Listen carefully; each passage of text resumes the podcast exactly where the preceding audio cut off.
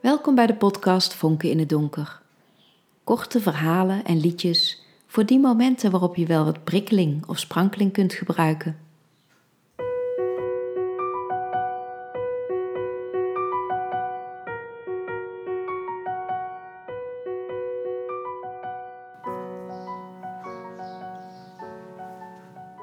Verandermanagement. Anderhalve maand eerder was Bernd van Diesbeek keurig op tijd verschenen. Lang, smal gezicht, smalle schouders, blauw gestreept overhemd, nette spijkerbroek en zwart krullend haar waar meer dan genoeg gel in zat. Voor zijn joviale begroeting en stevige handdruk leek hij net iets te veel zijn best te doen. Hij rook lekker fris, gelukkig niet te veel aftershave. Christel had hem vriendelijk en professioneel begroet. Wat kon ze dat toch goed? Sinds ze van de erfenis van haar ouders een eigen kantoorruimte had gekocht, was ze er nog beter in geworden dan ze al was. Ik vond het ontzettend fijn om met haar samen te werken, al voelde ik me in haar bijzijn soms een beetje onhandig. Bernd van Diesbeek was op zoek geweest naar een training om zijn team mee te krijgen in het beoogde verandertraject. Er was blijkbaar nogal wat weerstand die overwonnen moest worden bij de implementatie van de nieuwe werkwijze. En er moest een open aanspreekcultuur komen. Het was de bedoeling dat de training verandermanagement zou heten, zodat de medewerkers het gevoel zouden hebben dat ze de verandering zelf in de hand hadden. Bernd had er goed over nagedacht. Christel en ik hadden interessante vragen gesteld die hem aan het denken zetten. En we hadden wat scherpzinnige opmerkingen gemaakt over het daadwerkelijk ingrijpen op de systemen in de organisatie, over verandering als continu proces en over de kunst van feedback geven en ontvangen.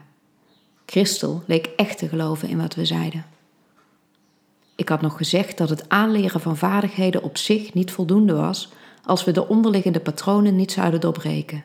We, had ik gezegd, alsof Christel en ik een onmisbaar onderdeel waren van de organisatie. En alsof ik me niet afvroeg waarom Bernd een training inkocht in plaats van zelf duidelijk de leiding te nemen.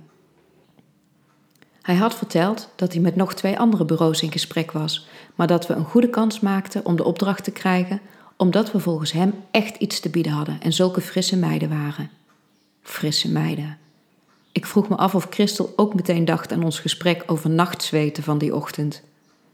Na het gesprek had ik zijn contactgegevens in mijn telefoon gezet onder Bernd zonder ballen van Diesbeek. En nu hadden we dus het eerste dagdeel van onze training gedraaid. En of er weerstand was. Godzijdank gaven we de training op eigen terrein, in de trainingsruimte van het verzamelgebouw waar Christel haar kantoorruimte had, midden in de stad. Dat gaf nog iets van houvast. De mannen waren tien minuten te laat binnengekomen, hadden ons niet aangekeken, onwelwillend iets gemompeld in antwoord op ons goedemorgen en waren stuk voor stuk met de armen over elkaar gaan zitten. Op onze vraag of ze hun namen op de naamkaartjes wilden schrijven, reageerden ze simpelweg niet.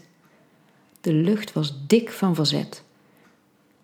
Ik besloot over te gaan tot de persoonlijke aanpak en iedereen een hand te geven en me voor te stellen, zodat ik in ieder geval hun namen te weten zou komen. De brede, kale man in het midden was overduidelijk de leider. De andere mannen keken steeds vluchtig naar hem, alsof ze aan zijn lichaamshouding de instructies konden aflezen voor wat ze moesten doen. Hij zat wijdbeens en achterovergeleund. Hij heette Thijs en in gedachten noemde ik hem Thijs Tosteron, om de dreiging die van hem uitging niet te serieus te nemen. Christel en ik worstelden ons door de ochtend heen. De mannen gaven korte antwoorden op onze vragen en als we doorvroegen kwam er niet veel meer uit dan moi, tja of weet niet. Tijdens onze uitleg over effectieve teams in een veranderende omgeving trok Thijs af en toe heel licht zijn wenkbrauwen op en zuchtte bijna onhoorbaar. Verder kwam er geen enkele reactie.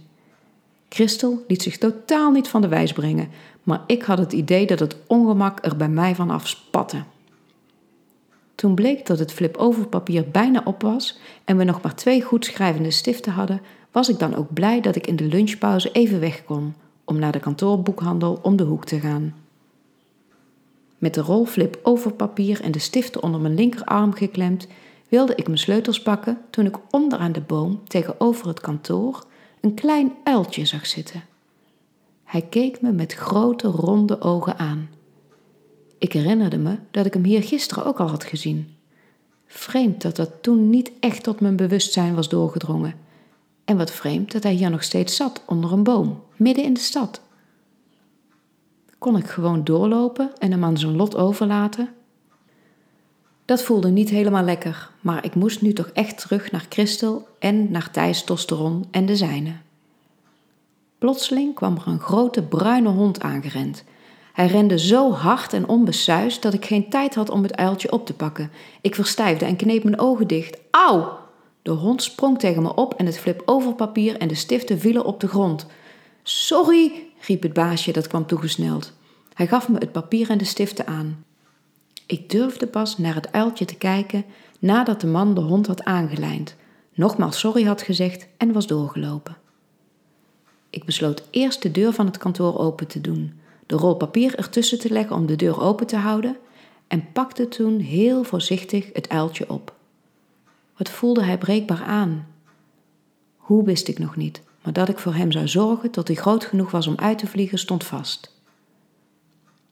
Ik zette hem in de hoek van het kleine keukentje en ging terug naar de trainingsruimte. De middag verliep even stroef als de ochtend, maar ik had er minder last van, omdat ik in gedachten bij mijn uiltje was. Om kwart over vier sloten we de eerste trainingsdag af en stuurden de mannen naar huis.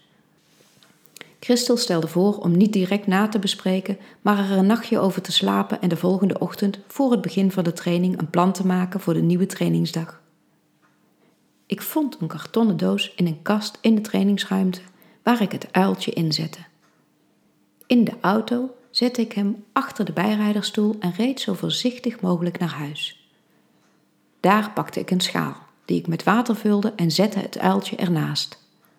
Hij keek me weer met zijn grote ogen aan en bleef onbeweeglijk zitten. Op internet ging ik op zoek naar informatie over de verzorging van uiltjes. Al snel bleek dat ik hem niet mee naar huis had moeten nemen. Maar als ik hem had laten zitten, was hij misschien opgegeten door honden, toch?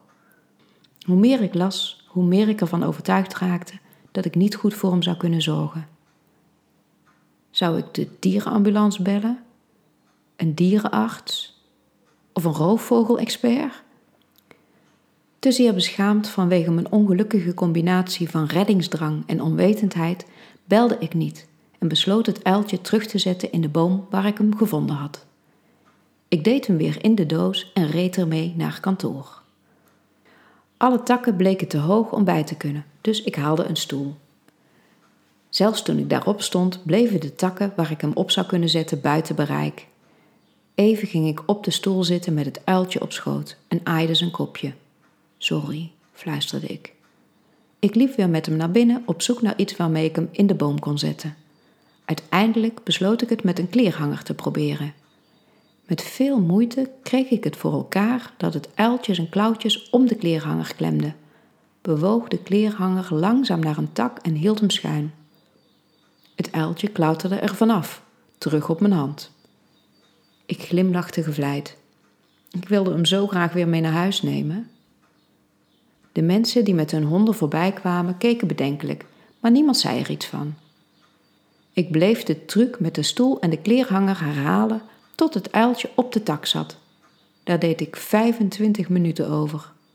Daarna ruimde ik de stoel en de kleerhanger op en ging naar huis. Die nacht sliep ik niet en ochtends stond ik om half zeven op. Ik was om acht uur op kantoor, ruim op tijd om te kijken of het uiltje nog in de boom zat en om de training met Christel te bespreken. Het uiltje bleek weer onder de boom op de grond te zitten en ik herhaalde de handelingen met de stoel en de kleerhanger.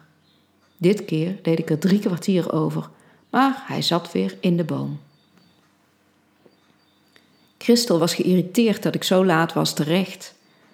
Ik vertelde haar niets over het uiltje. De ochtend met de mannen verliep weer even moeizaam als de dag daarvoor en in de lunchpauze ging ik weer naar mijn uiltje. Daar zat hij weer parmantig te kijken, op de grond. Wat vreemd dat niemand op hem reageerde en dat honden hem ongemoeid lieten. Ik zette hem weer in de boom en deed dat aan het eind van de middag opnieuw, nadat ik de training met Christel had besproken. Thijs was inmiddels Thijs Tiekel gaan heten. Wat een klootzak. We besloten de laatste trainingsdag maar gewoon ons programma te volgen en er het beste van te maken. Zo deden we wat we met Bernd hadden afgesproken en als dat niet het gewenste effect had, wat zeer waarschijnlijk was, konden we hem na afloop vast nog wel zinvol advies geven. De ochtend van de derde en laatste trainingsdag zit het uiltje weer op de grond. Ik zet hem weer op zijn tak. Inmiddels ben ik licht ongerust en gefrustreerd. In de training zijn we aangeland bij het onderdeel feedback geven en ontvangen. De mannen lijken iets actiever dan de voorgaande dagen. Thijs is zelfs bereid te oefenen met ik-boodschappen. Hij kijkt me met kleine ogen aan en zegt: Ik heb niet het idee dat ik iets leer van deze training. Ik snap nog niet wat de bedoeling is en ik had liever gewoon gewerkt dan hier drie dagen te zitten. De andere mannen grinniken. Ik ben onder de indruk van hoe passief-agressief je je verwijten hebt opgespaard om ze vandaag in een zogenaamde ik-boodschap naar buiten te brengen. Je zult vast veel hebben meegemaakt dat kan verklaren waarom je zo onuitstaanbaar bent. Maar ik ben helemaal klaar met jou. De woorden rollen helder uit mijn mond en ik loop kalm naar de deur. Dan loop ik nog even terug en kijk Thijs weer aan. Nee, ik ben niet klaar met jou. Ik ben nog lang niet klaar met jou. Ik loop naar buiten. Dan ga ik nog een keer terug en vraag aan Christel, die me met open mond aankijkt: Bespreek jij even met de groep wat dit voor feedback was? Buiten zet ik met stoel en kleerhanger het uiltje weer terug in de boom. Kom op jongen, get alive! Dan stap ik in de auto en rij naar het kantoor van Van Diesbeek Gears BV. Ik negeer de receptionist en loop zonder te kloppen de kamer van Bernd binnen. Kom, zeg ik met meer overtuigingskracht dan ik ooit heb gehad. Bernd voelt aan dat hij niets moet zeggen of vragen en stapt gedwee in mijn auto. Op kantoor zet ik hem op een stoel en ga Thijs halen. Ook hij loopt zonder tegenstribbelen mee. Bernd en Thijs zitten tegenover elkaar en ik blijf staan. En nu gaan jullie dit oplossen. Bernd, jij legt heel duidelijk uit wat je van Thijs verwacht en wat de consequenties zijn als hij daar niet aan voldoet. Thijs, jij zegt wat je dwars zit en wat je nodig hebt om aan de verwachtingen van Bernd te voldoen. Als je goede ideeën hebt, mag je ze hem vertellen. Pas als jullie er helemaal uit zijn, gaan jullie hier naar buiten en geen minuut eerder. Zonder een kans te geven om te reageren, sluit ik de deur en loop naar buiten. Het uiltje is weg. Ik kijk in de takken van de boom en ook daar is hij niet meer te bekennen. Ik laat me op de stoel zakken en hou de kleerhanger in mijn handen. De zon schijnt. Even sluit ik mijn ogen.